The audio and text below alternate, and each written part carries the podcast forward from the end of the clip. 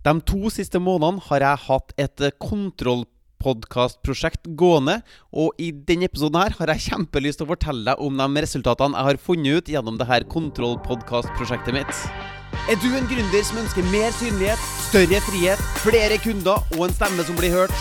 Hver episode er dedikert til å gi deg markedsføringsavsløringene og salgshemmelighetene som vil akselerere din gründersuksess. For å se hvordan du kan starte din egen podkast, få med deg den gratis videotreninga jeg laga til deg på mortensholm.com. Velkommen, nå kjører vi på!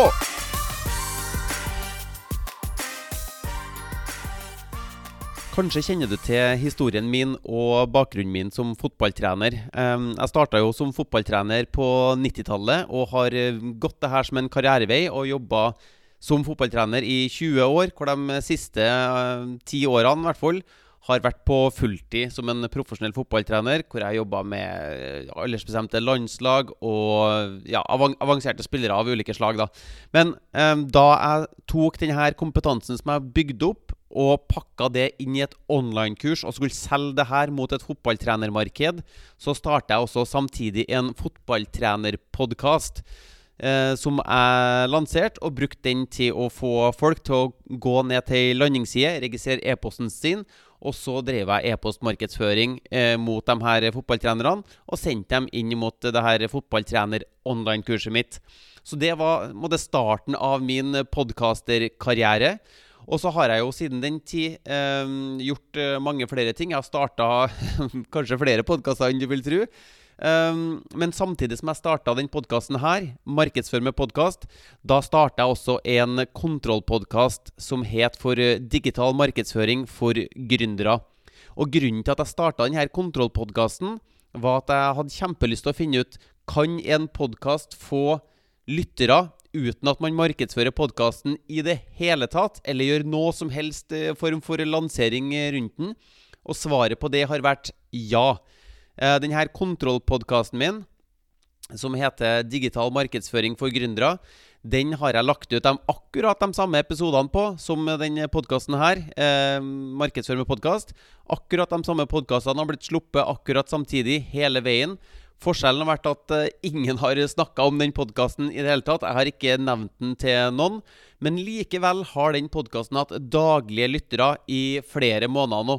Så grunnen til at den podkasten har klart å generere lyttere, har antagelig vært som følger.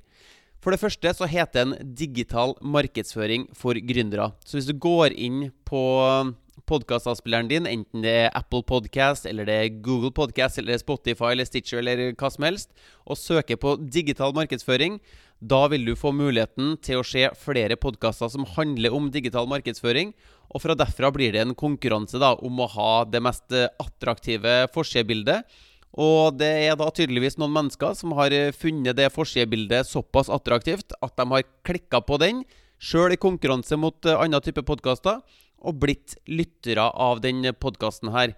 Så uten at den podkasten, Digital markedsføring for gründere, har blitt eh, Jeg har ikke nevnt den til noen på e-postlista, og ikke snakket om den på Facebook, har ikke fortalt en venn, jeg har ikke gjort eh, noen ting.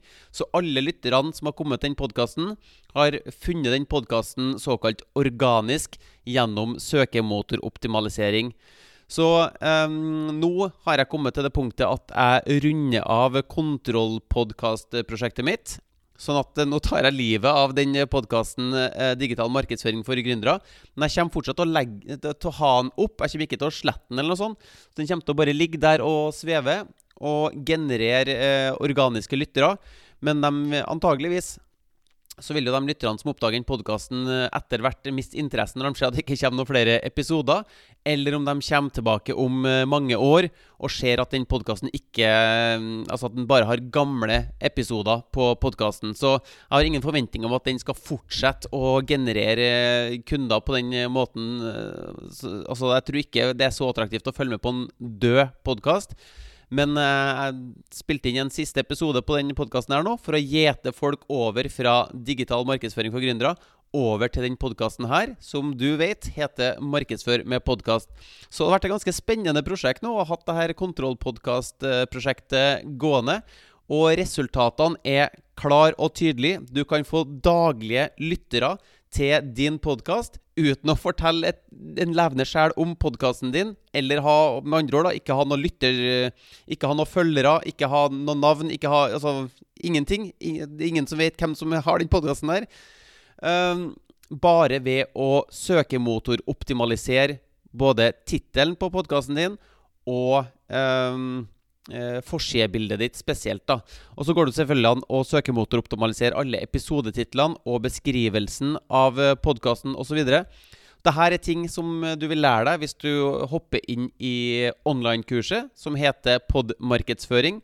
Da kan du lære deg hvordan du starte starter en podkast, hvordan du lanserer en podkast, og hvordan du genererer lyttere som ikke bare kommer til podkasten din én gang, men som blir eh, gjentatt gjentagende lyttere, og antageligvis på sikt betalende kunder av eh, dine tjenester. For eh, podkastmarkedsføring er en helt suveren måte hvis du selger kunnskapen din, og du trenger å på en måte overbevise folk om at du har den kunnskapen du sier at du har.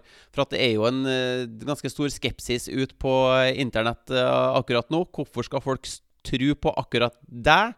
Hvorfor eh, har du den kompetansen som folk eh, vil ha for at skal, du skal hjelpe dem med problemet deres? Og Da er det veldig enkelt å bare sende dem videre til podkasten din. Se her, her kan, du, her kan, jeg hjelpe deg helt gratis med 20 episoder, 100 episoder. Bare eh, lyttefråts så mye du bare vil. Episodefråts på podkasten min. Så skal du få se at jeg faktisk kan hjelpe deg. Og når tida blir moden, så kan du komme til meg, så kan vi inngå et uh, samarbeid hvor jeg virkelig skal jobbe tett med deg for å løse problemene. Det er liksom den stor, største makta til en uh, eh, podkast. Og så er den også helt uh, suveren med å med å mm, generere uh, altså e-post Du kan bygge e-postlista di, f.eks., med podkasten din. For uh, Amy Porterfield sin del, eller for min del, eller for mange andre, så kan vi legge ut enten en PDF eller en video eller noe sånt ned på, bak i landingsside. Så da sender vi folk til landingssida, og så får de til å registrere e-postadressen sin der. Mot at de da får tilgang til en video eller en e-bok eller hva som helst annet. Så hvis det her kan være noen ting for deg, så kan du for det første gå til mortensholm.com, hvor du da kan registrere deg med din e-postadresse se en video som handler om hvordan du kan starte en podkast, hvordan du kan komme i gang med å markedsføre din gründervirksomhet med en podkast. Og hvis du har lyst til å samarbeide med meg, så kan du søke meg på Facebook f.eks. Jeg heter Anders Mortensholm. Bare legg inn en eh, venneforespørsel eller send meg en direktemelding der, så kan vi fortsette en eh, prat der så håper jeg at du har hatt nytte av denne episoden her. Og det er litt sånn vemodig å avslutte kontrollpodkastprosjektet nå, men jeg tror eh, tida er inn. Så håper jeg vi høres i neste episode. Hvis du vil lansere din egen podkast, sørg for å gå til mortensholm.com for å se den gratis videotreninga. Og hvis du vil ha flere episoder som dette, trykk på abonner-knappen, så høres vi i neste episode.